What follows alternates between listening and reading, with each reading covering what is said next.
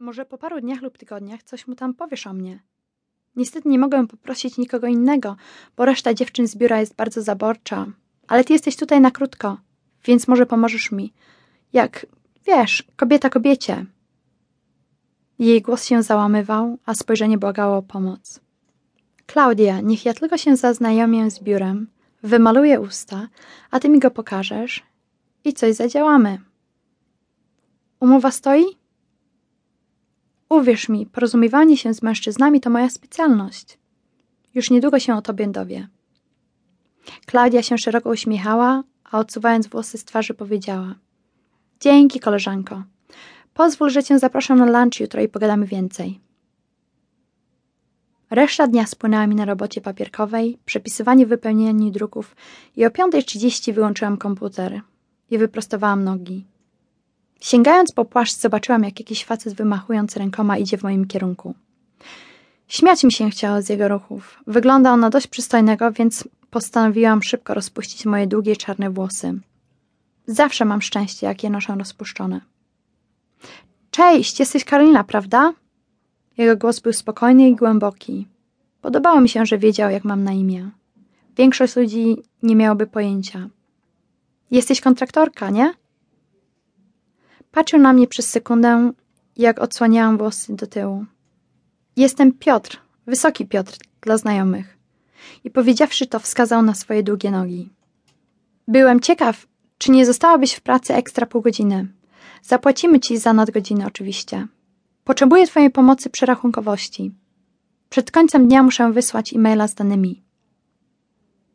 Patrząc głęboko w jego zielone oczy, odpowiedziałam, że nie mam problemu. Poprosiłam go tylko, aby mi pokazał, co mam zrobić. Dzięki, Karolina, odparł z ulgą. To naprawdę dużo dla mnie znaczy i żeby ci to wynagrodzić, chciałbym zaprosić cię na obiad.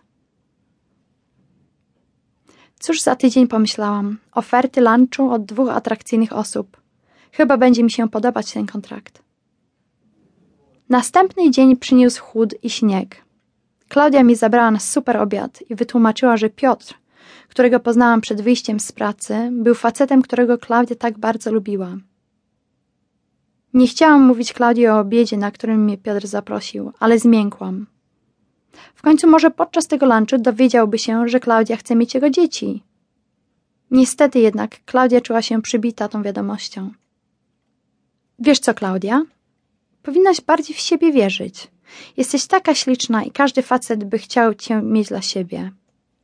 Też bym chciała mieć taką wiarę, odpowiedziała Klaudia. Ale rzecz w tym, że jutro jest nasza impreza świąteczna w pracy. Każdego roku ją mamy troszkę wcześniej.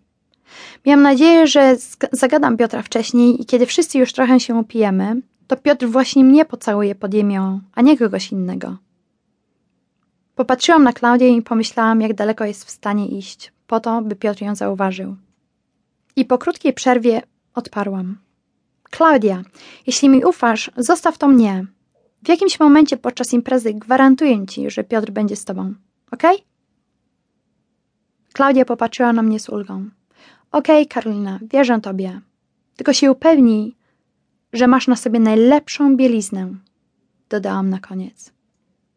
Przyszłam do biura na czas i wystrojona. Nie mówię tutaj o obcisłych ciuchach lub małych spódniczkach. Zawsze wybieram rzeczy klasyczne, takie jak sukienka z odkrytymi plecami, do tego seksowne szpilki, no i oczywiście bez majtek. Jest coś ekscytującego w chodzeniu bez bielizny, co mnie bardzo podnieca i dodaje pewności siebie. Na imprezę bank zamówił catering. Stół się oginał od smacznego jedzenia, szampana i piw. Mieliśmy również DJ-a zamówionego na wieczór. Wszyscy mieli dobry dzień. Parę starszych pracowników odbierało jeszcze telefony i patrzyło się na wszystkich, jakby koniec świata się zbliżał. Ale w większości wszyscy się dobrze bawili. Dziewczęta odszczelone, a chłopacy wyprostowani jak dęby, gotowi do podboju. Klaudia wyglądała cudownie, w szarej, jasnej sukience, srebrnych szpilkach, które świetnie podkreślały jej zgrabne nogi. I przez chwilę myślałam, że nie będzie mi trudno zainteresować Piotra jej osobą.